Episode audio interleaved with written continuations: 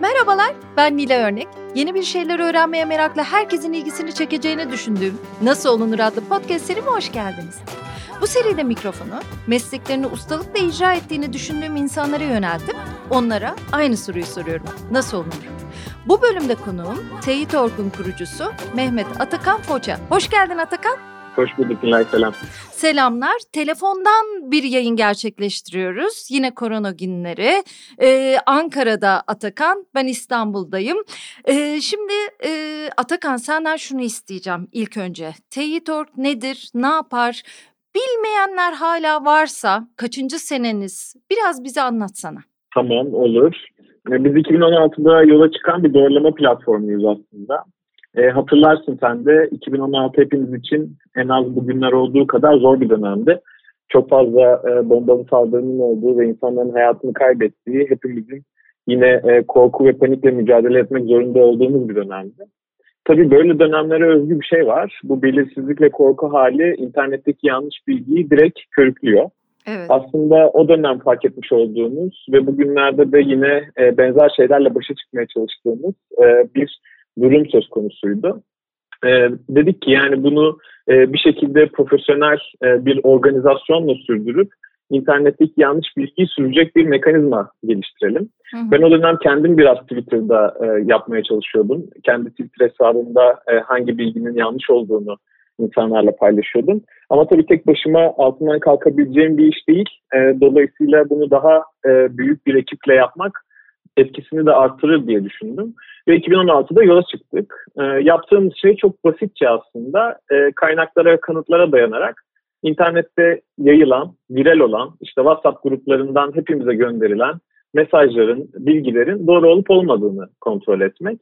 E, geldiğimiz e, yıl itibariyle, geldiğimiz aşama itibariyle şu anda iki ofisli çalışan Ankara ve İstanbul'da e, yaklaşık 30'a yakın e, insanın e, katkı sunduğu hem tam zamanlı hem freelance olarak e, bir e, organizasyon, sosyal girişim. E, bir yandan da tabii ki sadece hangi bilginin yanlış olduğunu insanlara açıklamakla kalmıyoruz. E, internet kullanıcılarını da bu konuda güçlendirmeye çalışıyoruz. Onların karşılarına çıkan bilgiyi nasıl doğrulayabileceklerine dair ellerine bir şekilde araçlar vermeye yöntemler, metotlar sağlamaya çalışıyoruz. Şu anda orada araya gireceğim. Özellikle bu dönemde seni yayına almak istememin en önemli nedeni de bu zaten. Biraz da öğretiyorsunuz ve anlatıyorsunuz da. Yani herkes haberci oldu. Yani elinde telefon olan herkes ben haberciyim, sokaktan haber veriyorum diyor ama nasıl veriyor? Herkes e, iyi okuyucu olamadı. Biraz da okur yazar olmasını öğrenmek lazım. Haber okur yazarlığı başka bir şey. Yani krizde çok daha fazla yanlış bilgi tüketiyoruz. Bugün de Hı. özellikle sana bunu soracağım zaten. Bize o okur yazarlığı öğret diye. Şimdi seni böldüm ama arada tekrar e, devam et lütfen. E, aslında tabii dediğin doğru. E, bu kadar çok bilgi akışının içerisinde yaşamıyorduk son 10-15 seneye kadar.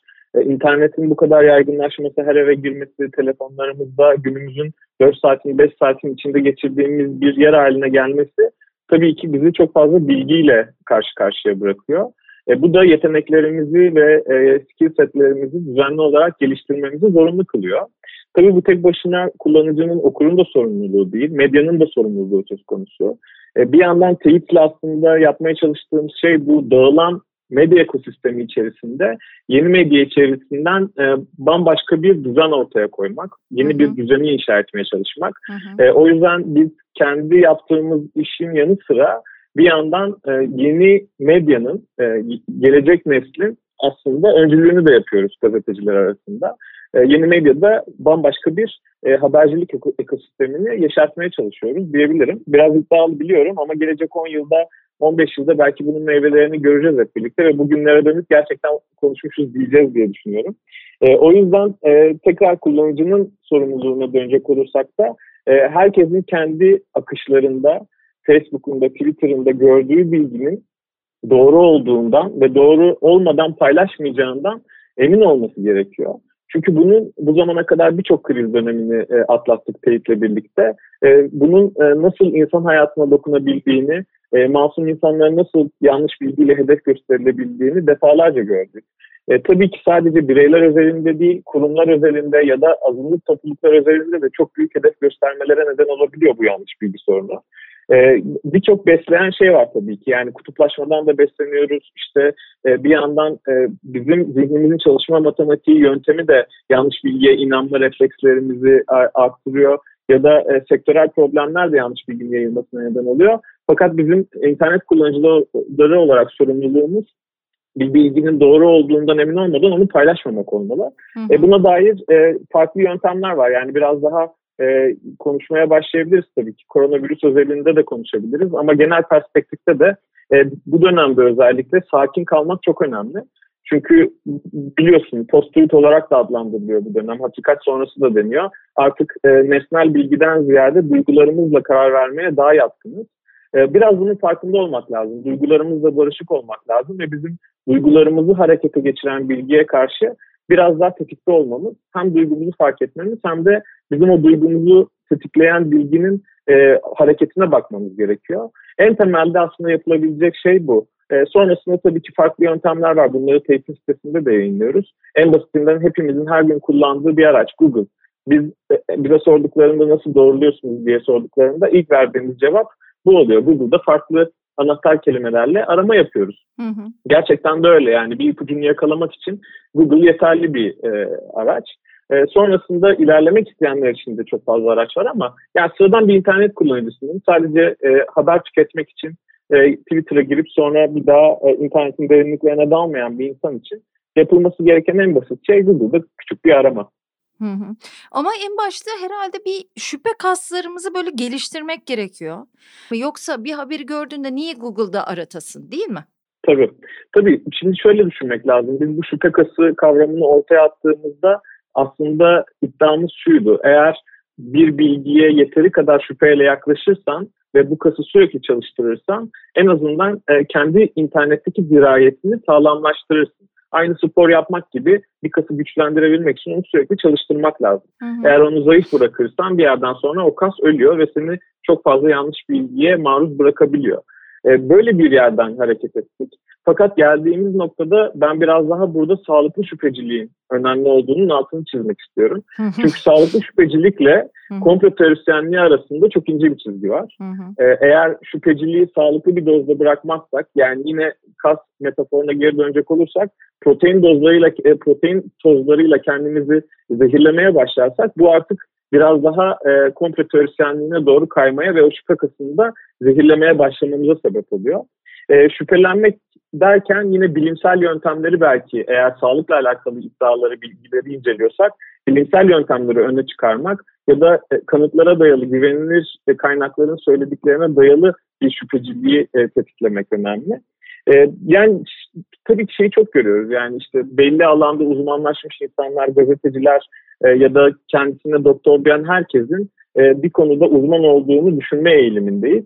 E, bunun bir sebebi de şu, e, böyle belirsizlik dönemlerinde e, neye inanacağımıza dair çok büyük kafa karışıklığı yaşayabiliyoruz. Hı hı. E, o belirsizlik, zihnimizdeki o belirsizlikte çatlaklar yaratıyor ve o çatlaklardan yanlış bilginin kompletörlerinin sızma ihtimali çok yüksek. Hı hı. E, biraz kendimizi belirsizliğe teslim edip e, birkaç kaynaktan duymadığımız, görmediğimiz bilgiyi tüketmemeye çalışmamız lazım. E, yani bunu şöyle de düşünebilirsin. E, bizim zihnimizin çalışma yönteminde bir yol var önümüzde. E, o, o yoldan ilerlersek bir sonuca varacağımıza eminiz. E, ama yolun üzerine düşen sürekli böyle küçük engel e, vesaire var. Ve bu örneğin bu küçük ideolojik bariyerler olabilir. Bizim ideolojik saplantılarımız belki o yolu tıkıyor olabilir, düşünme yöntemini tıkıyor olabilir ve bizi bir kestirmeye zorluyor olabilir. O kestirmeden gitmek daha kolay ve sonuca varmak da daha hızlı olabilir. Fakat o yoldan, o uzun yoldan, engebeli yoldan gidip görebileceğimiz güzellikleri ya da düşünce e, kanallarımız içerisinde açabileceğimiz e, yeni yolları kaçırmamıza da vesile olabilir. Biraz bunun farkında olmak lazım. Yani bizim düşünce yöntemimizin önündeki engeller ne? Ve biz bu engelleri nasıl birer birer kaldırıp o yolun tadını çıkarabilir? E, hem zihnimizi daha işlevli hale getirebilir hem de yeni yollar keşfedebiliriz diye. Biraz daha bunun üzerine düşünmek tam olarak aslında eleştirel düşünceyi de tetikleyecek bir şey bana kalırsa. Ya tabii ama şöyle zor geliyor bana. Daha buraya gelene kadar şimdi kendimiz o kadar gelişmeye açık olsak zaten bunları yaparız diye düşünüyorum Ataka. Artık gazeteler de e, haber kaynağı olarak kendi muhabirlerini, kendi yapılarını değil de sosyal medyayı kullanıyorlar ya. Ve orada Tabii. muhabirlikten çok bir editörlük sistemi yani bir derleyicilik sistemi söz konusu oldu. Yani internetten oradan buradan haber alınıyor.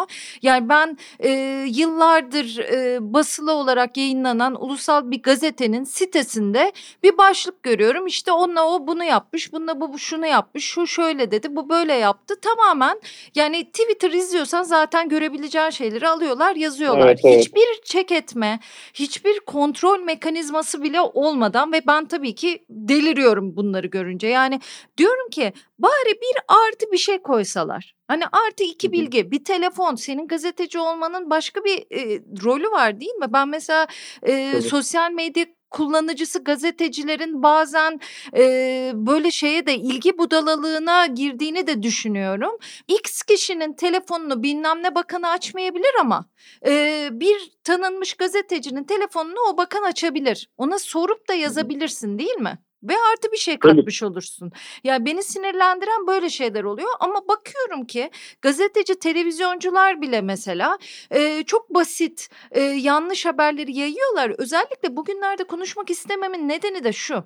Şimdi e, bu Eee, siyasi, eee, tartışmaların çok olduğu dönemlerde mesela seçim dönemlerinde yalan bilgi, yanlış bilgi ayrı bir önem taşıyor. Eee, orada trollükler dediğimiz, eee, daha böyle bilerek yapılmış yanlış haberler de çok söz konusu oluyor.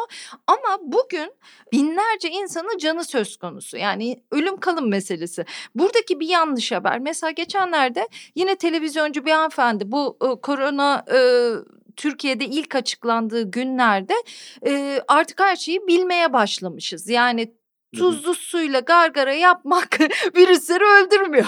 tamam mı? Artık buna hakimiz yani. Ondan sonra diyor ki e, bunu paylaşmış. Artık yani hepimiz evde kaçıncı günümüzü e, geçiriyoruz. Elinizi yıkayın işte e, gargaranızı yapın. Bunlar sizi koruyacaktır. Hadi paylaşalım. Ve binlerce paylaşım var. Diyorum ki hanımefendi lütfen bunu silin. Yani binlerce kişi size güveniyor ve paylaşıyor. Kadın silmiyor ya. Ve kavga ediyor birileriyle. Yani şey diye birileri de kızmış daha önceki haberlerinden falan kişisel de e, yazanlar var. Kadın onlara cevap veriyor ama kendisi asla silmiyor. Çok garip bir şey ya. Yani bir e, medya mensubunun dışarıda görünen bir insanın bunu yapması an, anlayamıyorum yani. Tabii şimdi bu söylediğinde şöyle bir etken de var aslında. Senin de çok yakından şahit olduğun gibi iyi gazetecilerin sektörden dışlanması ve onların bu sektörün dışına atılması e, yerlerini kimin doldurduğu sorusunu ortaya çıkarıyor. E, dolayısıyla yerlerini dolduran insanlar eğer sorumluluk sahibi değilse ve gazetecilik konusunda kendilerini geliştirmede yeterince iyi değillerse e, gerçekten bu tarz şeylerle karşılaşmaya başlıyoruz. E, bunun e, şeyde de gördük e, açıkçası kriz dönemlerinde ben e, örneğin bir patlama oluyor. Reyna saldırısını ele alalım. Reyna saldırısından sonra e, bir robot resim var ortada saldırgana dair. E, o robot resme benzeyen herkesin fotoğrafını haber siteleri işte saldırgan buymuş diye yayınladı. E, bu yüzden nereden baksan 3-4 kişi, 3-4 masum insan hedef gösterildi sosyal medyada. Tabii tabii. tabii. Saldırgan olmamalarına rağmen. E, ki bir kişi Pendik'te linç edildi saldırgana benziyor diye. Yani bunun nerelere varabileceği konusunda gerçekten yeteri kadar e, vizyon sahibi olmadıklarını ben düşünüyorum. E, şu son bu yayını e, çektiğimiz e, sıralarda artık televizyon kanallarına davet edilen uzmanlarda da bir dengeleme e, söz konusu. Yani son bir haftadır 10 gündür e, birkaç ismi özellikle çıkarmıyorlar. E, bence bunda e, hem bizim yaptığımız yayınların hem insanların sosyal medyadaki tepkilerinin çok önemli katkısı var. Hı hı. Ama salgın ilk başladığı zamanlarda o kadar dikkatli davrandılar ki e, olur olmadık sadece rating için e, televizyona çıkarılan insanların verdiği öneriler belki de bugün Türkiye'de salgının bu kadar da vahim noktalara gelmesine sebep oldu. Bunun hiçbir zaman tam olarak ne kadar etkilediğini anlayamayacağız. Ama e, medyanın insanlar üzerindeki özellikle televizyonun insanlar üzerindeki etki potansiyeli e, çok bariz. E, gazetecilerin burada bir sorumluluk duygusuyla yaklaşmaları gerektiği zaten kaçınılmaz bir konu. E, fakat dediğim gibi yani bu konuda kendilerini geliştirmeye açık değillerse ve senin de söylediğin gibi eğer e, etkileşim budalalığına devam edecek olurlarsa e, çok daha vahim sonuçlarla karşılaşmaya devam edeceğiz. Tabii bu genel bir psikolojik durum zaten. Sadece işte yeni nesil gazeteciler için değil, bir ahlaki kırılma var zaten. Bireylerin kendilik algıları bozulmuş durumda. Başkasının fotoğraflarını benim benim diyerek paylaşıyorlar. Başkasının nişan fotoğrafını, başkasının düğün Evet. fotoğrafını bile. Yani o orada psikolojik bir durum var zaten. Zaten öyle vakalar var ama haber manasında siz de büyük bir gayret gösteriyorsunuz. Peki şunu da sormak istiyorum. Senden böyle yöntemler isteyeceğim ama e, genel bir çerçevenin dışında da e, bir de mesela gazetecilikte şöyle bir şey vardır. E, sen biri hakkında haber yaparsın. Mesela tam sayfa bir haber yaptın. Kanuna göre e, o haber yalan ya da yanlışsa benzer bir sayfada olmak zorundadır ve benzer bir alan kaplamak zorundadır aslında. Asla böyle olmaz. Mesela sen birine bir Tabii. iftira atarak e, bir yazı yazdın. E, o işte dava açılacak da sürecek de bitecek de iki ay sonra küçücük bir yerde e, ya bu doğru değildir diye bir şey yayınlanır. Bu da o zaman e, etkisiz olur aslında. Şimdi Teyit.org daha aktif bu manada. Hani e, çünkü e, sosyal medyayı da çok iyi kullanıyor. Anında çok hızlı çalışmaya çalışıyor. 30 kişi yetmez bile herhalde bugünün gündemine diye düşünüyorum. Tabii Siz canım. kaç kişi başladınız, kaç kişi olmuşsunuz ama yine de e, yetmiyordur diye düşünüyorum. Bir de çok haber var. Saniye başı e, değişik bir haber yayılıyor. Peki e, sana geri dönüşlere bağlı olarak söyleyebilir misin? Mesela bir haberin yanlışını görüyoruz ama insanlar doğruluğunu sizden gerçekten öğreniyorlar mı sonradan? Yani yüzde kaçıdır? Yanlış haberi mesela 5000 kişi okumuş diyelim. Doğru haberi kaç kişi görüyor sence? Valla Nilay tam bir e, oran vermek doğru olmaz ama biz seçim dönemlerinde bir raporlama yapmıştık bunu takip edebilmek için. En azından yanlış bilginin ne kadar etkileşim aldığını sonra doğrusunun ne kadar etkileşim aldığını kıyasladık. Tabii ki bizim yayınladığımız analizlerin etkileşimi yanlış bilginin aldığı etkileşimin yanında çok çok küçük. E, fakat burada şunu düşünmek lazım. Az evvel senin verdiğin örnekte olduğu gibi insanlar hata yapmış olduklarını kabul etmekten imtina ediyorlar. Evet sorun E, hata Hı, yapmış olmak, özür dilemek bunlar çok büyük problem gibi gözüküyor. Tabii. Şimdi burada dediğin gibi ahlaki bir e, ikilem de var. Yani bu e, sadece tek başına bizim yayın yaparak çözebileceğimiz bir durum da değil. Evet. E, ama şunu biliyoruz. insanlar bizim içeriklerimize maruz kalıyorlar. Biz onları ya, yayınladığımız içeriklere maruz bırakmak için çok fazla yöntem deniyoruz. Bunlardan biri örneğin e, Facebook'la yapmış olduğumuz işbirliği. E, Hmm. Bunun şöyle bir e, hem kullanıcı özelinde hem de haber siteleri özelinde iki taraflı etkisi var.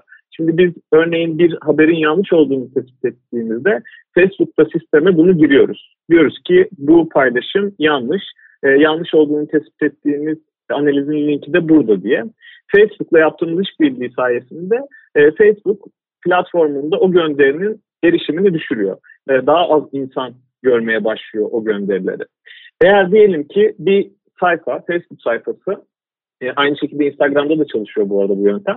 Eğer diyelim ki Facebook sayfası 3'ten fazla yanlış haber yaptıysa ve bu haberleri düzeltmekte e, adım atmıyorsa e, Facebook o sayfanın bütün e, erişimini durdurmaya başlıyor. Doğru olsa bile. Hı hı. E, bu ne demek? Haber sitelerinin artık Facebook'a yanlış haber linki koymamaları gerektiği anlamına geliyor. E, diyelim ki koydular. Biz bir e, işaretleme yaptıktan sonra kendileri o sayfaya erişim engeli almamak ya da işte reklam verme e, özellikleri kaybolmasın diye hemen haberde bir düzeltme yapıyorlar. Ha, haberi evet. yanlış haberi düzeltiyorlar Hı. ve bize bildiriyorlar. Diyorlar ki biz haberimizi düzelttik. Lütfen Facebook içerisindeki değerlendirmenizi gözden geçirin diye. Hı. Şimdi biz bir buçuk iki yıla yaklaştı Facebook'ta bu işbirliği. Aslında insanlar fark etmese bile arka planda çok fazla haber sitesine haber düzeltiyoruz. Sürekli haber siteleriyle yazışıyoruz. Haberimiz yanlış çıktı düzelttik. İşte tamam e, biz de düzelttik diye onlara cevap veriyoruz. Böylece aslında yanlış bilginin sirkülasyonunu azaltmaya başladık internette. Özellikle haber siteleri üzerinde. Biz yayına başladığımız ilk dönemde şunu hatırlıyorum. Her hafta sonu muhtemelen içerik kıtlığından dolayı haber siteleri e, böyle yabancı parodi haber sitelerinden alınma, asla gerçekliği olmayan içerikleri çevirip böyle magazinsel bir şekilde servis ediyorlardı. Bunların hepsi kesildi mesela. Çok uzun zamandır görmüyoruz bu tarz haberler. E, çünkü dikkat ediyorlar. Hem kamuoyu tepkisinden çekiniyorlar. Çünkü Tate'in artık Twitter'da da 600 binden fazla takipçisi var. Ve o takipçiler bir haber yanlış çıktığı zaman haber sitelerine baskı yapıyor. Neden yaptı, haber, yanlış, haberi yanlış yaptığına dair soru soruyor. Düzeltmesi için uyarıda bulunuyor. Hem bununla karşılaşmak istemiyorlar hem de Facebook tarafında para kaybetmek istemiyorlar. Dolayısıyla haber siteleri üzerinde böyle bir etkimiz olduğunu söylemem mümkün. Kullanıcı tarafında da onların karşılaştığı yanlış haberlerin sayısında bir düşüş var. Özellikle Facebook, Facebook ve Instagram'da. E, ama e, biz bu sorunu bir yerden tutuyoruz, başka bir yerden patlıyor tabii ki. Yani hmm. bugünlerde mesela WhatsApp grupları e, yine çığırından çıkmış evet. durumda. Hepimizin WhatsApp gruplarında bir şeyler dolaşıyor ve bunların nereden çıktığını bulmak, işte takip etmek Facebook ve Instagram'da olduğu kadar kolay değil. Hmm. Göremediğimiz yerler buralar, kapalı kapılar yani. E, şimdi WhatsApp'la da iletişim halindeyiz. İşte e, Facebook zaten bizimle bir program yürütüyor. WhatsApp'la da konuşuyoruz. Ne yapabiliriz, nasıl e, bunun önüne geçebiliriz diye. E, buralardan müdahale etmeye çalışıyoruz. Ama en başta söylediğim gibi yani bu tek başına bizim müdahalemizle olacak bir şey değil. Hem kullanıcıların sorumluluk alması gerekiyor hem de bu yeni medya ekosisteminde yanlış bilgiyle mücadele edecek daha fazla aktörün olması gerekiyor. Daha fazla kurum, daha fazla organizasyon yanlış bilgiye belki teknoloji tarafından, belki ekonomik taraftan, belki sektörel taraftan çözüm üretmeye çalışıyor olmalı. Hı hı. E, işte gelecekte planladığımız birkaç işten biri de buna yönelik. Aslına bakarsan e, uzun vadede olmasa da yani biraz daha birkaç ay içerisinde tabii bu kriz her şeyi biraz ertelemek zorunda bıraktı bizi ama e, istiyoruz ki örneğin haber sitelerinde veya televizyon kanallarında çalışan editörleri e, bir aylık programlarla teyit ofisine alalım. Gelsinler teyit, ofisinde bizimle birlikte çalışsınlar. Yine haber yapsınlar kendi kurumlarına ama haberi yaparlarken teyit editörleriyle birlikte yapsınlar ve bir teyitçi yaklaşım nasıl oluyor görsünler. Böylece geri döndüklerinde en azından o kurumlarda bir değişimi de başlatmaya e, çalışabiliriz bu diye düşünüyoruz. Bakalım bu tarz programlar geliştireceğiz. Ay inşallah ama tabii ki bana çok zor görünüyor. Yani o medya sitelerinin kaç kişi ne durumlarda çalıştığını bildiğim için dakika başı saniye başı haber giriyorlar. Tabii. Ee, yani azıcık maaşlarla işte ya hız o kadar önemli ki yani Atakan ben de bir internet sitesi yaptığım için hani senle de daha önce konuşmuştuk herhalde bunları. Ee, yani kim hızlı alırsa o haberi en enteresan başlığı koyarsa en enteresan, en ilgi çekici, en tıklanan ondan sonra da o hesaptan yayılırsa o önemli. Yani aynı haberi 10 site veriyor olabilir ama e, Twitter'da mesela bir, bir e, haber sitesinden yürüyor ya o iş. O zaman sana daha fazla reyting geliyor. İnsanlar da buna bakıyorlar. Onun için de bunları çok da umursamıyorlar. Umursasalar zaten çok daha başka bir şey olurdu. Biz umursayalım bari diye düşündüğüm için de seni konuk etmek istedim. Yani geçen gün e, Twitter'da da e, çok beğenerek izliyorum. Gökhan Yücel var. E, Anadolu Rock projesi başlattılar. E, o çok güzel bir şey yazmıştı. Çok basit bir şey aslında. Diyor ki doğru olmayan bilgiler yayan, yanlış olduğu ortaya çıktığı etkileşimi silmeyen tüm hesapları takipten çıkın. Çok basit bir şey söylüyor. Ee, ben, ben de şöyle bir şey ekledim ee, ve o hesapların e, başına bir kinaye, kınama, yargı vesaire koyarak da olsa yaymayın. Çünkü bir de şöyle bir şey var. Saçma bir haber oluyor. E, sen orada sadece kendini göstermek ne kadar espiritüelsin ya da e, ne kadar evet, evet. E, güzel bir bakışın var. Evet, de, demek için de onu yaygınlaştırıyorsun. Beni de en delirten şey bu ve bunu en yani e, kafalı dediğimiz insanlar yapıyor. Buna da inanamıyorum. Yani bir de biz bazı şeylere zaten inanamıyoruz ama senin dediğin yankı fanusları diye çok sık e, kullandığın bir e, tamlama var. Mesela o benim çok hoşuma gidiyor. Aslında hakikaten e, birbirine benzer insanlar. Birbirimizi izliyoruz. Sen diyorsun ki sizin mahalleye uğramayan yanlış bilgi başka bir semtte kapı kapı geziyor olabilir. Hakikaten Tabii. yok artık diyeceğimiz şeyler pek çok kişi tarafından yani inanılıyor değil mi? Çünkü aslına bakarsan burada, şu, burada şunu görüyoruz. Nilay pardon sözünü kestim yok, ama yok. birbirimizi ne kadar tanımadığımızı da görüyoruz. Hı hı. Ee, Türkiye'de yaşayan insanlar olarak da. Biz hangi teyiti yaparsak yapalım, bu arada istisnasız söylüyorum. Neyin yanlış olduğunu söylersek söyleyelim. Mutlaka altında birileri gelip diyor ki e, ya bunu mu teyitlediniz? Bunun teyit edilmeye ihtiyacı mı var? Ya da buna inanan zaten salaktır. Şimdi hmm. e, bu bana evet. bana çok net olarak şunu gösteriyor biz birbirimizin dünyalarından o kadar kopuyoruz ki hı hı. E, hangi, hangi diğer fanusların hangi psikoloji içinde olduğunu e, neye inanmaya eğilimli olduğunu, hangi düşünce dünyasını yaşadığını asla bilmiyoruz. Bu yüzden de bizim inanmadığımız ve salakça gelen şeyler e, başkalarının e, inanmış olabileceği şeyler olduğunu asla düşünemiyoruz. E, açıkçası ben biraz bu konuya işte e, özellikle kriz zamanlarında mesela salgın döneminde de e, yaklaşırken e, bu e, bloklama, engelleme vesaire bunlar güzel işte sessize alalım yanlış bilgi yayanları. E, tabii ki bunlar kendimizi korumak için önemli ama bir yandan şunu da unutmayalım. E, herkes kötülüğü niyetle de paylaşmıyor. Yani insanlar böyle dönemlerde birbirlerine yardımcı olmaya çalışıyorlar. Birbirlerini korumaya çalışıyorlar. E, kendi fanuslarını en azından sağlıklı tutmaya çalışıyorlar. O yüzden onlara uygun gelen, onların düşünce dünyasına oturan ve e, bir yerden bir yere bağlantı kurabilmelerini sağlayan hikayeler e, paylaşılmaya daha teşne oluyor. E, o yüzden biraz daha bu tarz paylaşımları yapan insanlara böyle kabaca davranmaktan ya da salak e, yerine koymaktansa ben onlara onlarla daha iyi iletişim kurmaya çalışmamız gerektiğini düşünüyorum. E, burada çok insani bir şey de var. Onu da ekleyeyim. E, biz dünyayı neden sonuç ilişkileri içerisinde görmeye çalışan bir türüz aslında. Yani e, hem dil bize bunu e, bu yeteneği sağlıyor hem de zihnimiz sürekli bir neden sonuç ilişkisi arıyor hayatın içerisinde. Yani sürekli şu şeyleri söylüyoruz. Neden bunlar benim başıma geliyor? Ve çoğunlukla da bu nedeni bulamıyoruz. E, bu neden sonuç ilişkisini bulabildiğimiz tek yerde kurmaca. Yani anlatıda aslında. E, dolayısıyla e, şehir efsaneleri ya da işte komple teorileri biraz daha bize bu hayatın karmaşıklığı içerisinde neden sonuç ilişkilerini avucumuzun içine böyle pıt diye koyabildiği için onlara inanmaya daha e, eğilimli oluyoruz. Hmm. Bu insani ve böyle zihnimizin e, bize getirdiği bir e, tuzak aslında. E, bunun farkında olmak lazım. Yani evrimsel olarak bu ilk çağlarda belki e, hayatımızı kurtaran ve türümüzü devam etmemiz, ettirmemizi sağlayan bir özellik olabilirdi.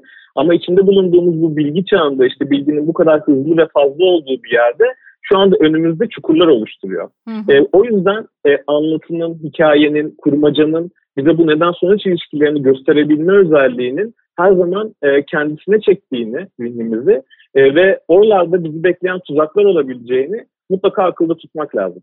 Tabii tabii ya bizler ucu açık şeyi çok sevmiyoruz. Bir yere oturtmak istiyoruz ya. Ya Mutlaka, kurgu da olsa, aynen. yanlış yalan da olsa o kurguyu bir yere oturtan şey bizim içimizi rahatlatıyor. Çok haklısın. Ben de e, katılıyorum buna.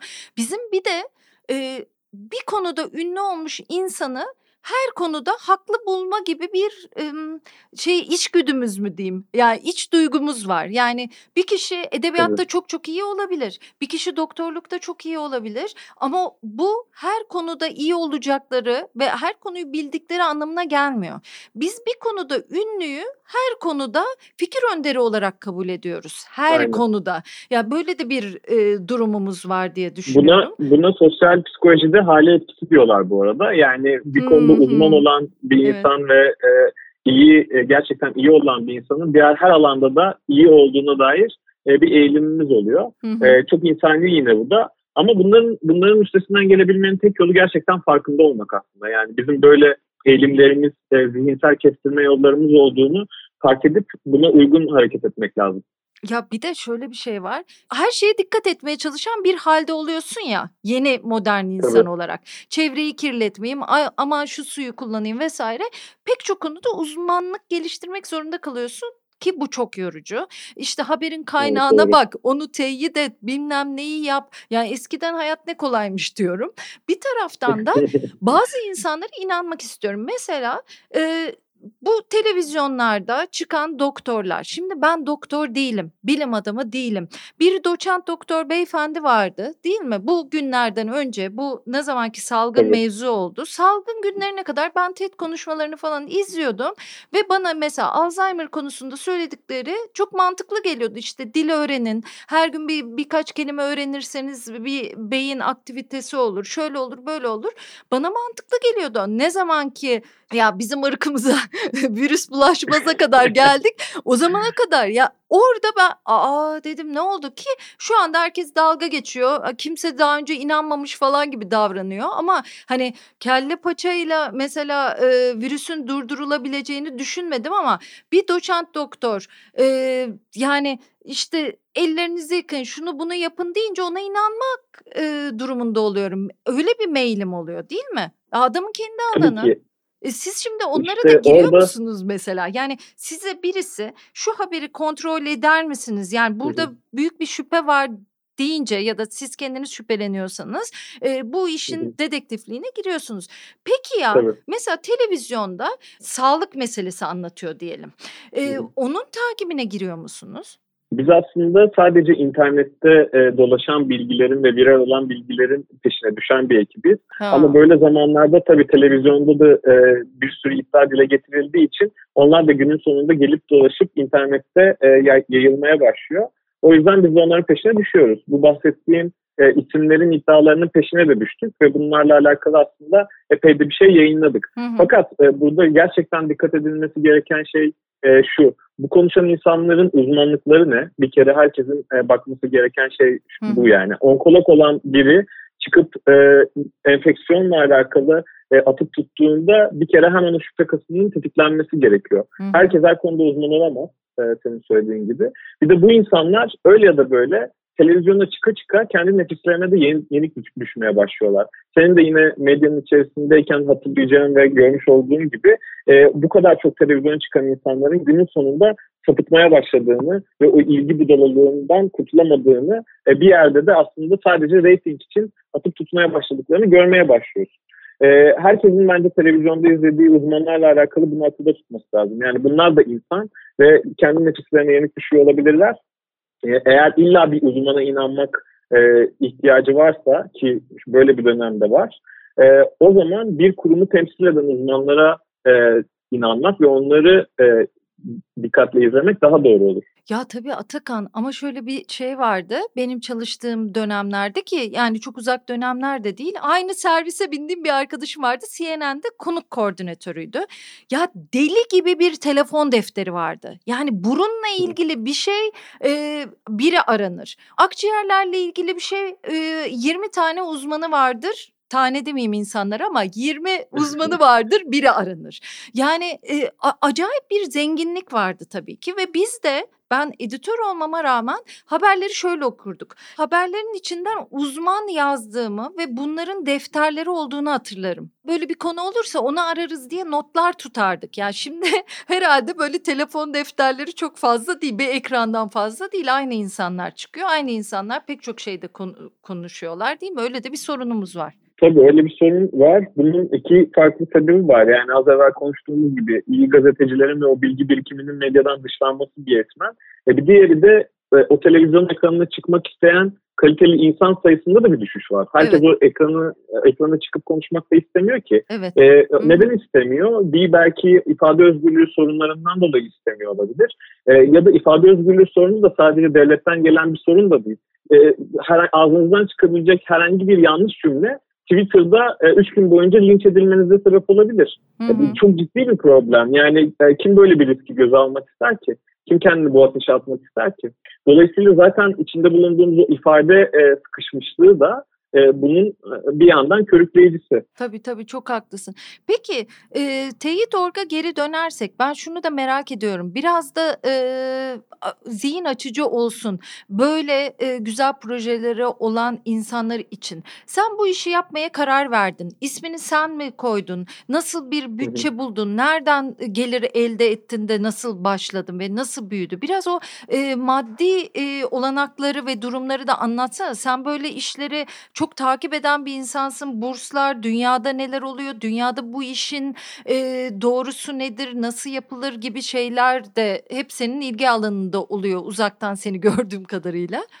Evet ya çok e, şey bir konu, zor bir konu benim için. E, açıkçası ben e, böyle gazeteciliği bir şekilde 10 yıldır deneyimliyorum aslında. E, çeşitli yerlerde yazarak, işte röportajlar yaparak, sokaktan bu Twitter'ın çok yükselişte olduğu dönemlerde sokaktan muhabirlik yaparak Twitter aracılığıyla ya da belki hatırlarsın eskiden e, davaları da Twitter'dan takip etmek evet. e, epey bir modaydı. Hı. O dönemde mesela dava dava gezip e, tweet atıyordum e, davada yaşananlarla alakalı. E, bir yerde tabii ki 2013'ten 2014'ten sonra aslında e, gazeteciliğin bu dijital e, araçları kullanma yeterliliği üzerine düşünmeye başladım. Ve o dönem işte İngiltere'ye gittim geldim. Bir biz Türkçe'de bir stajım olmuştu. E, orada da biraz da gördüğüm şeylerden biriydi bu. Dezenformasyon konusu, bilgi kirliliği konusu gelecekte daha da büyük bir probleme yol açabilir diye e, çok fazla yazı falan da e, çıkıyordu. E, o dönem böyle bir postür tartışması da söz konusu değildi açıkçası. E, 2014'ten sonra başladım kendi kendime bir şeyler yapmaya. Bir freelance gazeteci olarak aslında. E, ama bir yerde tabii ki bu krizler de büyüdükçe sorun da büyümeye başladıkça bir ekibe ihtiyaç e, duydum. E, o ekibi yaratabileceğimde çok uzun bir e, şey vardı, ortam vardı. Yani evet, burada Ankara'da TED Üniversitesi'nin içerisinde bir sosyal inovasyon merkezi e, açılmaktaydı. E, orada biz bu işi bir sosyal girişim olarak nasıl kurabiliriz? E, toplantılar yapmaya başladık. Hem çevremizdeki gazetecilerle hem de yakınımızdaki e, bu işe kafa yorabilecek insanlarla bir metodoloji belirledik. Aşağı yukarı nasıl bir iş akışı olması gerektiğini belirledik. Bir isim bulduk ve hadi başlayalım diyerek girdik aslında ve hiç para yoktu gerçekten. Yani ben işten ayrılmıştım. Başka bir yerde de çalışıyordum aynı zamanda. Hı hı. Sıfır parayla girdik, sıfır sermayeyle girdik. E, sonrasında tabii bu hibelere başvurduk. Hibelerle e, destek almaya başladık. E, bu sırada tabii ki çok fazla iş geliştirme de aklımıza dolaşıyordu. Yani hem platformlarla Facebook, Twitter gibi büyük platformlarla çalışmak bir yandan hem eğitim kanalını güçlendirmek bir yandan ama e, hep böyle biraz daha reklamdan, sponsorluktan uzak durarak yani e, konvansiyonel gazeteciliğin düştüğü hatalara düşmemeye çalışarak e, ilerlemeye çalıştık. Tabii geldiğimiz yerde biraz daha bu reklam sponsorluk konularında daha e, esnemiş durumdayım. Hani eskisi kadar katı düşünmüyorum ama e, o dönem daha böyle hibelerle başladığımız bir yapıydı. E, sonrasında tabii ki dünyada da bu işi yapan çok fazla organizasyon olduğu ve post-truth e, gündeminin de bütün her şeye hakim olduğu bir yerde özellikle Amerika'daki seçimler falan da işin içine girince e, bu konu dünyada da büyümeye başladı. E, bizim bir global e, ağ var parçası olduğumuz International Fact Checking Network ismi. Uluslararası Doğruluk Kontrolü Ağı. E, o ağın da öncülüğünde e, büyük platformlar özellikle seçimlerdeki manipülasyonla ilgili çok fazla eleştirilen Facebook gibi platformlar adım atmaya zorlandı.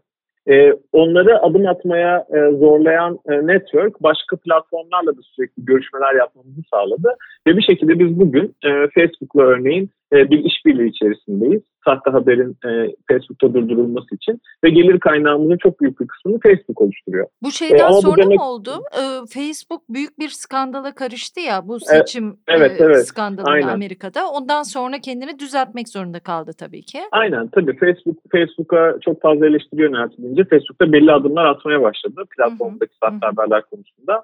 Ee, ya benim şöyle bir hayalim var Nilay gerçekten. Ben e, Türkiye'deki yeni nesil gazetecileri TEİT'in ve TEİT'in kurmakta olduğu ekosistemin parçası haline getirmek ve geleceğin gazeteciliğini burada inşa etmek istiyorum. Hem yeni medyada hem de e, bu Türkiye'deki medya e, ekosisteminde diyeyim. E, çünkü çok fazla yetenekli insan var. Bu insanlar evet ana akım medyada ya da e, işte konvansiyonel medyada ya harcanıp gidiyorlar şu anda ya da zaten buralarda e, mutlu olamayacak insanlar. E, ve biz burada bir sosyal fayda üretiyoruz. Gerçekten insanların hayatına dokunan bir iş yapıyoruz. Hı hı. Sadece gazetecilik pratiğinin kendisinde bile böyle bir e, yan olduğunu görmek çok iyi hissettiriyor bize. E, dolayısıyla ben burayı artık biraz daha topluluk gibi görmeye başladım. E, biz burada bir topluluğun parçasıyız. Sen de bu topluluğun bir üyesisin aslında. Çünkü şüphe kasını senin de tetikleyebildiğimiz anda bir teyitçi e, formasyonuna girmiş oluyorsun bir yerde. E, dolayısıyla biz bu topluluk olarak e, yeni bir medyayı buradan doğurabilir miyiz diye çok fazla düşünmeye başladık son zamanlarda. E, benim hani önerim şu olabilir. E, önemli olan bir işi kurmak için ya da e, bir ekibi oluşturmak için önemli olan şey e, gerçekten iyi bir problem tespit etmek. E, neyse o sorun, çözülmesi gereken sorun neyse onu ortaya koyup sonra onun etrafına e, çözümler silsilesini dizmeye başlamak. Burada bence para ya da işte yazılım vesaire gibi insanların e, girişimcilikte hep akıllarında e, hali hazırda var olan ön yargılar çok önemli değil. Yani siz önemli olan iyi bir iş ortaya koyun. E, sonrasında para da işte yazılım da istiyorsanız yazılım da ekip de hepsi peşine toplanıyor ve onun etrafında diziliyor. Hı hı. E, önemli olan istikrarlı olmak. çok istikrarlı bir şekilde e, değerleri savunarak yani belli değerlerden şaşmayarak düzenli olarak fayda üretebilmek ve o probleme çözüm olduğumuzu gösterebilmek. Bizim bence avantajımız ve bizi büyüten şey biraz bu oldu. Ee, çok fazla kriz geçirdik yani çok fazla lince uğradık, çok fazla saldırıya uğradık. Ama bunların zaten yaşanacağına dair bir ön e, kabulümüz de vardı başlarken. Yani o yüzden çok şaşırtıcı olmadı. Ve bunların hiçbirinde de aslında eğilmedik, bükülmedik. E, aynı şekilde istikrarla yolumuza devam ettik ve fayda üretebildiğimizi sürekli gösterdik. E, bu da bizi büyüten şeylerden biri oldu. Yani böyle bir işe başlamak isteyenler için verebileceğim en önemli şeyler biraz bu istikrar ve e, fayda meselesi. Ya herhalde ben toplum için ne yapabilirim diye düşünmek ve kendi Hı-hı. en çok yapabildiğin, hünerli olduğun şey üzerinden gitmek ve aşkla bağlı evet, olduğun herhalde doğru. en çok önemli. Doğru. Sözünü kesebilir miyim? Çok pardon. Yani tabii, söylediğin tabii. şey şu anlamda çok önemli. Özellikle bu dönemde de e, insanların düşünmesi gereken şey şu. Nereye etki edebiliyorum meselesi her gün e, sabah akşam vaka sayısı takip etmek bize mesela kendimizi çok kötü hissettiriyor. Evet. Ve müdahale edemeyeceğimiz uzaklıkta bir etki alanıysa orası. Bunu takip etmekten belki vazgeçmemiz lazım. Hı. Bizim etki edebileceğimiz, değişim yaratabileceğimiz yer neresiyse oraya odaklanmak hem bu kötümserlikten bizi uzaklaştırır hem de gerçekten faydalı hissetmemize ve böyle bir dönemde psikolojimizi korumamıza yardımcı olabilir. Dediğin doğru o yüzden. Yani nereye etki edebiliyorum? Neyi değiştirebiliyorum? Etki alanının içerisinde ne var? Ve samimiyetle yapmak lazım herhalde. Senin aynen dediğin gibi e, sayılar bizim moralimizi bozuyor olabilir. Hastanede insanlara yardım edemiyor olabiliriz. Evlerimizde kapalı kalmış olabiliriz ama biz ne yapabiliriz? Oradan düşünüp her şeye başlamak ya da sen Eray e, Erdoğan yapıyor galiba. Beş kişi podcast'te e, minör siyasetten bahsetmiştim. Mesela benim çok hoşuma evet, gitmişti. E, yani Hiçbirimiz aslında majör siyasetin tartıştırıcı, taraflaştırıcı, kavga ettirici özneleri olmak istemiyoruz ama bir şekilde oluyoruz. E, o girdiğimiz kaos içerisinde minör siyaset yani olduğumuz yerden bugünü düşünerek yani bugünden ne yapabilirim diye yola çıkmak belki de en iyi yollardan biri. Nasıl olunur? Kesinlikle. kavramı içinde. Bir de şöyle bir de şöyle bir durum da var. Şimdi herkes mesela bugünlerde şeyi tartışıyor. Bu sistem nasıl dönüşecek? Kapitalizm dediğimiz e, sistem e, neye maruz kalıyor ve hmm. bundan sonra ne olacak meselesi. Hmm. Şimdi biz mesela sosyal girişim e, diyoruz kendimize. Bu şapkayı kullanıyoruz. Bunu kullanmamızın sebebi şu. E, biz kar maksimizasyonunu değil, sosyal faydayı önceliklendiren, sosyal etkiyi önceliklendiren bir girişimiz. Hmm. Yani içeride hmm. bir kar e, ortaya çıktığı zaman bu kar patronun ya da ortakların cebine gitmiyor. Bu kar doğrudan sosyal etkinin büyütülmesine e, harcanıyor. E, gerek bu işte yine e, mücadele ettiğimiz yanlış bilgi problemine yeni araçlarla e, çözümler üretmek olabilir. Gerek ekibi büyütmek olabilir. Ama kesinlikle amaç burada kağıdı büyütüp bir sermaye e, birikimi yaratmak değil. Sosyal etkiyi sürekli e, büyütmeye hı hı. çalışmak. Hı hı. E, bence bu gidişatta e, sosyal girişimlerin e, önemi daha da artacak. E, hem sosyal etkisi hem e, ekolojik etkisi yüksek olan girişimlerin bu dönem sonrasında daha fazla öne çıktığını görmeye başlayacağız. Çünkü bizi bir yandan da bu hale getiren, bu kadar kapalı, sıkışmış hissettiren şey de bu kar maksimizasyonunun kendisi. Bu arada medya işine dönersek kesinlikle de yapmalısınız. Onu da sözünü tamamlamış olayım. Biz Brüksel'de e, bir gazetecilik oturumuna gitmiştik. Böyle işte e, Avrupalı e, beyefendilere e, Türk basının sorunlarını anlatıyoruz birkaç sene önce. E, ve cezaevinde pek çok gazeteci var. Bu da çok konuşuluyor. Ben de dedim ki ya bunun dışında çok işsiz, depresyonda hı. E, ve işini çok iyi yapan ve başka ne yapacağına bazen de bilemeyen bir grup gazeteci var ve bu grubun içindeki insan sayısı çok fazla.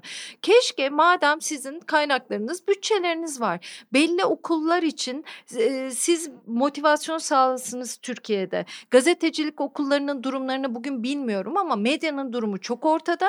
O insanlara neler öğretiliyor acaba? O insanlar çok iyi şeyler öğrenseler de nerede çalışacaklar acaba? Genç insanlar nasıl eğitiliyor, nasıl öğreniyorlar? Bugün nasıl eğitim alıyor genç insanlar çok merak ediyorum ve hani benim bir haber güdüm var. Mesela bana çok şöyle şeyler geliyor Atakan. Aktif sosyal medya kullananlara çok geliyordur. Mesela diyor ki Nile Hanım diyor sizin çok izleyiciniz var. Şöyle şöyle bir durumum var. Siz bunu paylaşır mısınız diyor. Ya diyorum ki e, bu benim kontrol edebileceğim ve hemen doğrusunu yanlışını görebileceğim bir şeyse paylaşayım. Ama e, benim saatlerce araştırmam demek diyorum. Şimdi karşı taraf anlamıyor tamam mı? E, ben dedim ya diyor. Ya diyorum ki kusura bakmayın ben bir gazeteciyim. Sizin dediğiniz şeyi sizin dediğiniz gibi paylaşamam zaten. Ve paylaşmak için de önden bir araştırmam gerekiyor. Ama benim başka bir işlerim de var. Yani onlarla da uğraşmak Evet. zorundayım. Böyle bir teyit mekanizmam yok ve onu paylaşamayacağım diyorum. Vay işte siz bana yardım etmiyorsunuz oluyor değil mi? Yani çok acayip bir şey. Benim onu araştırma isteğim insanda şey uyandırıyor. Yani ben onun bir şeyine yardım etmiyormuşum gibi geliyor. Ben e, gazetecilik mezun değilim. E, ama şunu söyleyebilirim yani gazeteciler için özellikle. Özellikle de iletişim e, fakültesi mezunları için.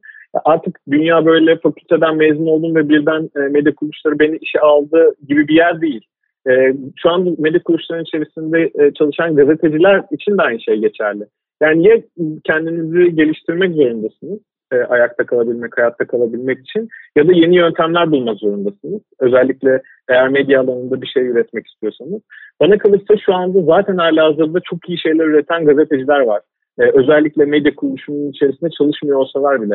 E, bunlardan biri de sensin İlay. Yani çok e, göz önündeki bir örnek olarak sen de mesela bir bir medya kuruluşunun içerisinde çalışmasan bile çok büyük bir etki yaratıyorsun. Hatta bana kalırsa medya kuruluşunda çalışıyor olsan, şu anda milliyette çalışıyor olsan bu etkiyi canım. E, bunu görmek Hı hı. lazım ve e, yani her gazetecinin bence illa böyle bir yerlerde çalışacağım vesaire diye düşünmek yerine bulunduğum yerde nasıl etki yaratabilirim diye düşünmesi gerekiyor artık. O mesleğin kodlarını da biraz oralara taşıması gerekiyor bana kalırsa. E, o yüzden böyle fakülteden çıktım ve birden e, bütün e, kuruluşlar beni kucaklarını açmış beni bekliyor diye düşünmemek lazım diye e, onu da söyleyeyim. Yok zaten ben artık e, çoğu insana başka bir şey okuyun sonra gazeteci olursunuz diyorum. Yani Aynen. ba- başka bir elinizde bir şey olsun. İyi haber yazmak, gözlemek, biraz çalışarak zaten biraz akılla falan oluyor. Ya da işte Teyit.org'dan yardım alabilirler belki. Şimdi sizin sitenizde de e, her şey çok açıkça anlatılmış bu arada. Teyit.org'a herkesin, bütün dinleyicilerin bakmasını tavsiye ederim.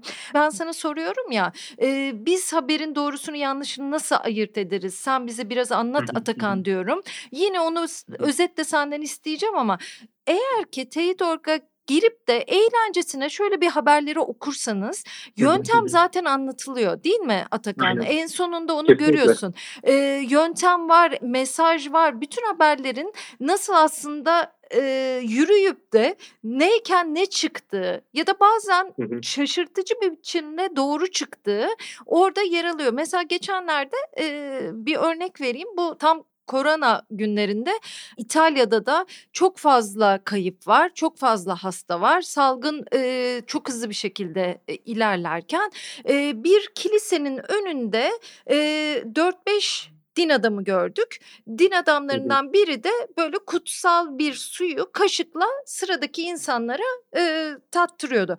Ben şimdi bakıyorum, izliyorum, izliyorum. Gerçekten İtalya gibi duruyor. Arada bir de maskeli insanlar var. Ya diyorum ki ama olamaz. Yani bu dönemde olamaz. Ee, insanlar da paylaşıyorlar işte.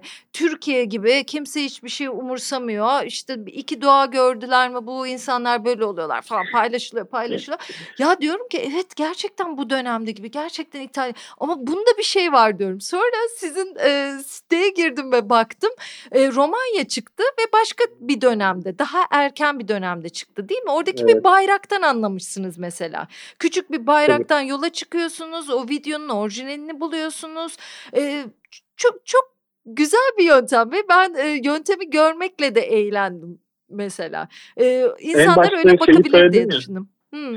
E, aslında sadece e, insanlara neyin doğru neyin yanlış olduğunu söylemek değil, onlara nasıl bunu ayırt edebileceklerini anlatmak da bizim görevimiz olduğu için Hı hı. e, dediğim gibi yaptığımız her işte o sonuca nasıl vardığımızı adım adım gösteriyoruz. Yani biz bulduk ve tepeden insanların kafasına bu doğru bu yanlış diye atıyoruz gibi bir yöntemimiz yok. E, oturup tek tek açıklıyoruz. Önce şuraya girdik sonra şu ipucunu bulduk bu ipucunu takip edip e, buranın Romanya olduğunu fark ettik diye açıklıyoruz. E, bence zaten eğer iyi bir teyit e, okuruysanız e, yayınlanan analizleri o yanlış bilgiyle karşılaşmamış olmanıza rağmen okuyorsanız e, bir yerden sonra ki bence 3-5 analiz okumak bile yeterli E, bir yerden sonra o teyitçilik yeteneklerini geliştirmeye başlıyorsunuz. Ve dijital dedektiflik işi çok keyifli bir iş bu arada. Yani eğer buna kapılırsanız internette gördüğünüz her fotoğrafın, her videonun doğru mu yanlış mı olduğunu sorgulamanın ötesinde buradan ne çıkarabilirim diye geçmişini araştırmaya başlayabilirsiniz. Ve bence bunun kendisi çok eğlenceli. İnternetin de kullandığımızdan çok daha büyük ve çok daha fazla ilgiyi içeren bir yer olduğunu anlamanızı kolaylaştırıyor. Tabii tabii. Çok güzel. Biz şimdi birlikte biraz konuşarak böyle formüller çıkartalım mı? Ee, Olur. çok basit bir şekilde mesela teyit orgun adını bile duymamış olsun bir insan. İlk önce e, duymakla başlamak lazım ama herkes çok ilgili değil. Herkes sosyal medyanın dibinde değil. Artık Twitter, Instagram bile kullanmayan insan WhatsApp kullanıyor olabiliyor. Yani hiçbir şey okumayan bir insan bile WhatsApp'tan ona işte gece 11'de her yere ilaç sıkılacakmış kendinizi koruyun diye bir mesaj gelebilir mesela. Değil mi?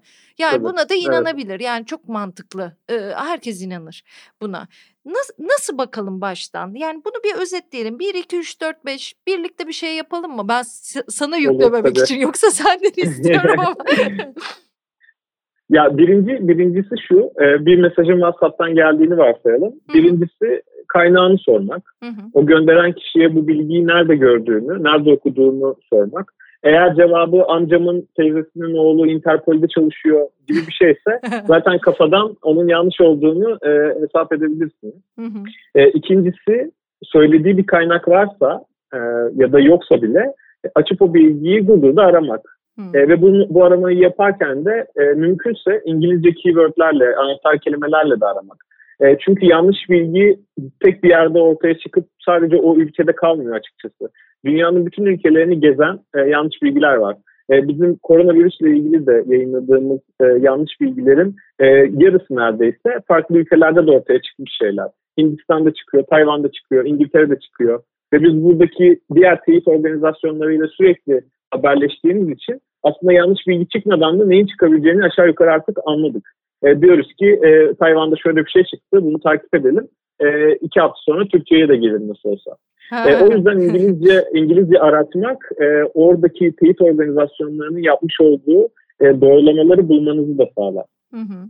E, bir başka şey, bir başka şey mümkün olduğunca e, eğer bir fotoğraf e, ya da video söz konusuysa o fotoğraf ve videonun bizi bize nasıl hissettirdiğini fark, farkında olmak. Yani Hı hı. eğer çok böyle için, içimizden sansasyon duygusunu yükselten, e, bizi öfkelendiren, e, bizi kızdıran ya da işte e, nasıl söyleyeyim bizi çok endişelendiren bir bilgiyse o e, biraz orada e, paylaşmadan önce durmak gerekiyor. E, çünkü yanlış bilginin en önemli özelliği duyguları çok hızlı harekete geçirebiliyor olması. Bu yüzden rasyonel de düş- düşünemiyoruz yanlış bilgiyle karşılaştığımızda. Genelde hemen bir başkasına e, gönderme eğiliminde oluyoruz. E, bir dördüncü yöntem olarak e, yine haber sitelerini kontrol etmek ama farklı haber sitelerini kontrol etmek iyi olur.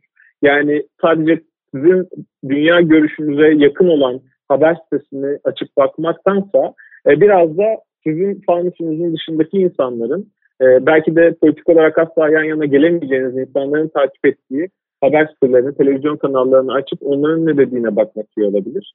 E, ve bir yöntem de tabii ki e, kendi dünyamızı sadece bizim gibi düşünen insanlarla e, oluşturmamak. Farklı bakış açılarına da yer verebilmek e, etrafımızda. Bunlar çoğunlukla aslında bize olayların farklı e, yerlerden nasıl görülebileceğine dair de e, ipuçları verebiliyorlar. E, bunlara dikkatli olmak e, bence en temelde e, bir okuryazarlık geliştirmek için e, iyi yöntemler. Hı hı. Peki sizin böyle belli gazeteleriniz, yayın organlarınız ya da insanlarınız var mı? Kesin yanlış bilgi veriyordur dediğiniz. var tabii olmaz olur mu? Ee, bir, bir Twitter'da bir tiyatrocu var mesela ismini paylaşmayayım. Ee, o her tweet attığında biz e, tetikleniyoruz. Kesin yine yanlış bilgi geldi diye. Ee, ya da belli belli haber sitelerinde de aynı şey geçerli. Ee, mutlaka yanlış bir şey çıkacak diye e, şeydeyiz. Sürekli bakıyoruz onlara. İlla şöyle bir durum var. Bizim baş ettiğimiz aslında yanlış bilgilerin %90'ı e, internette üretilen, internette paylaşılan şeyler. Hı hı. Eğer sahadan e, bilgi almamız gerekiyorsa e, kamu kurumlarıyla sürekli konuşuyoruz. Onlardan işte bilgi edinme hakkı çerçevesinde e, bilgi almaya çalışıyoruz. Sivil toplum kuruluşlarının raporlarına ulaşmaya çalışıyoruz.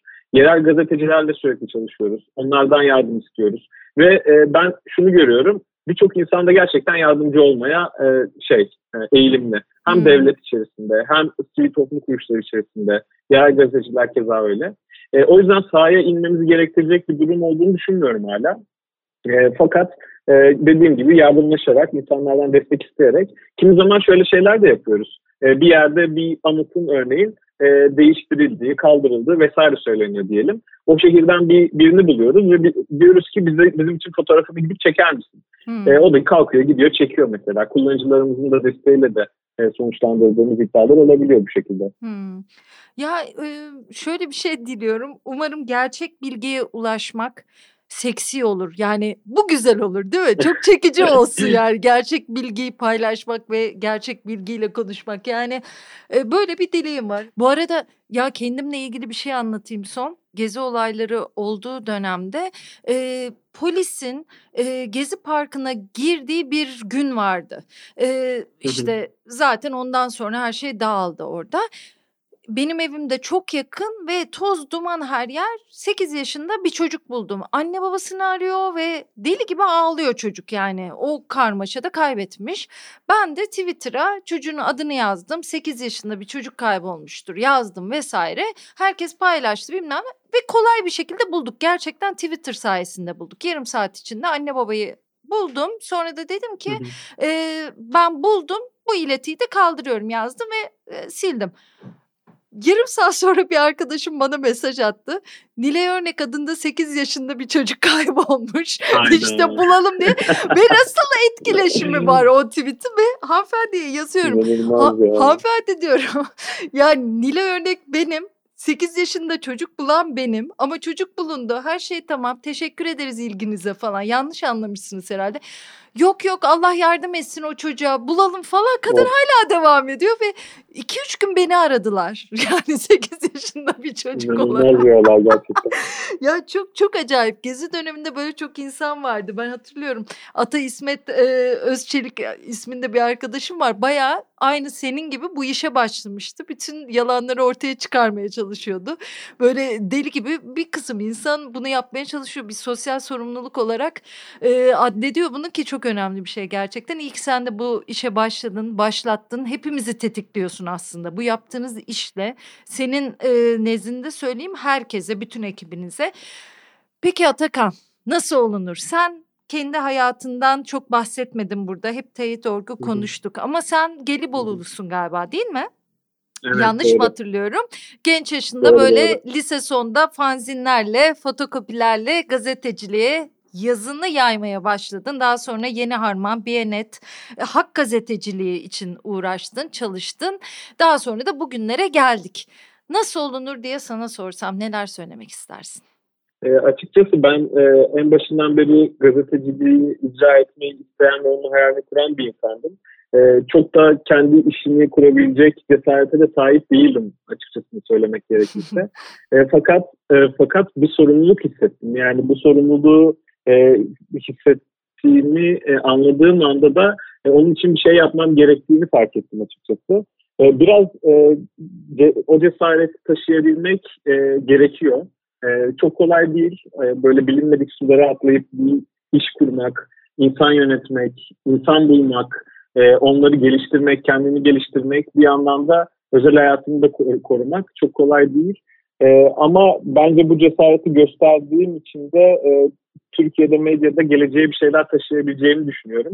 Hı hı. E, bu bana kendimi iyi hissettiriyor. Hı hı. E, kolay değil ama bence gidilmesi gereken ve yapılması gereken e, şeyler var e, medyada. E, benim en azından e, daha çok medyada girişim görmeye dair bir e, ihtiyacım e, ve isteğim var. E, çünkü umutsuzluğa kapılıp gerçekten bu ülkede hiçbir şey olmuyor e, demek ya da e, şu oluyor bu oluyor her şey çok kötü demek e, bana göre değil açıkçası. E, evet. Twitter'a girdiğinizde de zaten e, dünya başınıza yıkılıyormuş gibi geliyor.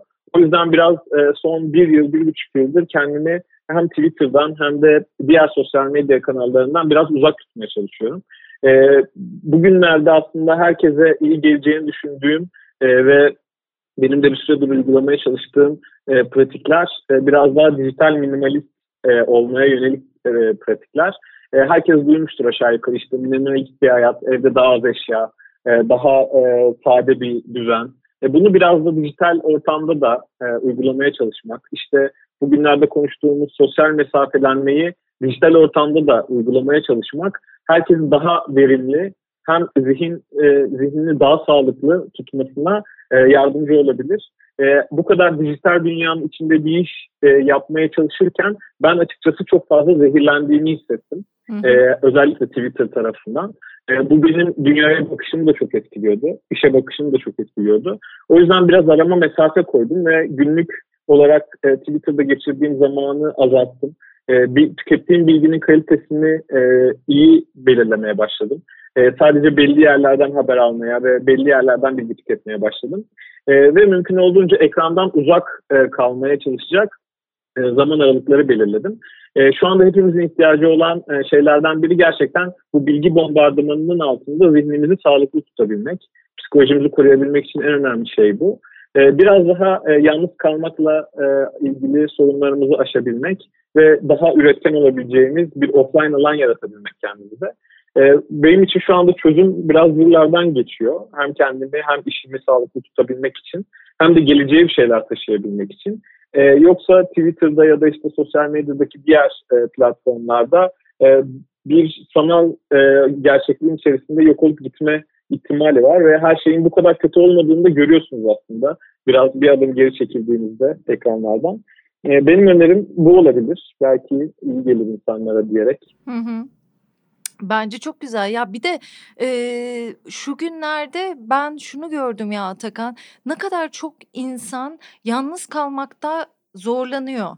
Yani yalnız evet, derken aynen. tek başına bir şeyler yapmaktan ailesi yanında olabilir ama fark etmiyor. Yani e, kötü hissediyor, uğraşacak bir şeyler bulamıyor. Bu bana çok ilginç geliyor. Acaba dedim küçükken eğitimlerde insanları biraz yalnız kalmak, yalnız başına bir şeyler üretmek, okumak, bunlardan keyif almak da mı öğretilseymiş diye, düşündüm yani Valla e, şeyi en son e, Cal Newport'un işte Dijital Minimalizm diye bir kitabı var. Onu okumuştum birkaç ay önce. Hı hı. E, orada da fark ettiğim şeylerden biri şuydu yani. Şöyle bir soru soruyor. En son ne zaman kendini e, bir duvara boş boş bakarken ve canın sıkılmış hatırlıyorsun. E, kendimizi can sıkıntısından ve yalnızlıktan o kadar uzaklaştırdık ki hı hı. sürekli bir telefon ekranını aşağı doğru sonsuza doğru kaydırmak e, bizi o yalnızlıktan epey bir uzaklaştırdı. Kendimizi e, en yalnız hissettiğimiz, ilk yalnız hissettiğimiz ya da canımızın ilk sıkıldığı anda elimize cep telefonu alıyoruz. E, bu hepimizin artık alışkanlığı haline geldi. Dolayısıyla e, o telefon olmadığında da nasıl e, kalabileceğimizi, kendimizle nasıl baş edebileceğimizi bilmiyoruz açıkçası. E, bilen insanlar da unutuyor bu arada. Yani yalnız kalmayla mücadele etmek çok zor. E, ama bu pratik yani. Bu pratiği e, hayata geçirmek lazım. O yüzden ben burada akıllı telefonların gerçekten e, zihnimizi paramparça ettiğine inanıyorum. E, biraz o yüzden e, hem yalnız kalmak e, belki bu dönemlerde biraz dijital detoks yaparak, ya detoks da çok doğru bir e, kavram değil ama dijital minimalist bir hayata doğru geçerek sadece ihtiyacımız olduğu kadarını tüketerek biraz daha o yalnızlıkla barışabiliriz sanki. E, bu arada çok güzel bir söz var ben çok seviyorum. E, Walter Benjamin'in e, diyor ki e, derin sıkıntı için tecrübe yumurtasında kuluçkaya yatmış bir rüya kuşudur. Yani şimdi anlatabildim mi bilmiyorum sözü de düzgün kurabildim mi ama e, bu derin sıkıntı bazen de duymamız hissetmemiz gereken bir şey. Gerçekten yaratıcılık Doğru. için kendimizden beslenmemiz için e, gerekli bir şey. Nasıl olunur da e, sıkılın diye bir öğüt. Vermiş Güzel bir öner oldu. Evet evet. Ee, buraya e, konuk olman çok önemliydi. Uzaktan yaptık bu yayını. Umarım ses kalitesinde bir sorun olmaz diye e, dualar ediyorum ben burada. Seni konuk etmeyi zaten istiyordum Atakan. Böyle bir döneme denk gelmesi de aslında hayırlı oldu diye düşünüyorum. Hepimizin gördüğümüz her cümleye, e, takıldığımız her habere aslında biraz şüpheyle bakmamız gerekiyor. Ya da yani böyle şüpheci deli gibi komplo teorisyeni olmaktan bahsetmiyoruz ama hemen paylaşmadan birilerini etkileyebileceğini düşünmeliyiz aslında. E, sen çok güzel bir örnek veriyorsun. Çok da uzatmak istemiyorum ama pek çok konuşmanda dinlemiştim. Canan ya da Candan Hanım ismiyle nitelendirdiğim bir öğretmen hanım var. E, canlı evet. bomba şüphesiyle öğretmen kadının fotoğrafı her yere yayılıyor. En sonunda kadın kendisi görüp polise gidiyor. Polis den sonra yayılıyor. Bugün de tutuklandı ya da gözaltına alındı şeklinde. Ya bir insanın hayatını çok kolay mahvedebiliriz. Hele bu dönemde pek çok insanın e, yani canına mal olan bazı cümleler edebiliriz. Çok dikkatli olmalıyız diye düşünüyorum. Özellikle bu dönemde seni için konuk etmek istedim. Kesinlikle. Herkese de Teyit.org'a erişimi e, tavsiye ediyorum. Mutlaka girin, bakın. Siz de gördüklerinizi paylaşın, bir şeyler öğrenin. E, diye tavsiye verebilirim. Başka böyle bitirelim çok mi? güzel oldu. çok Aynen, sağ ol, harika. çok sağ ol. Çok teşekkür ediyorum.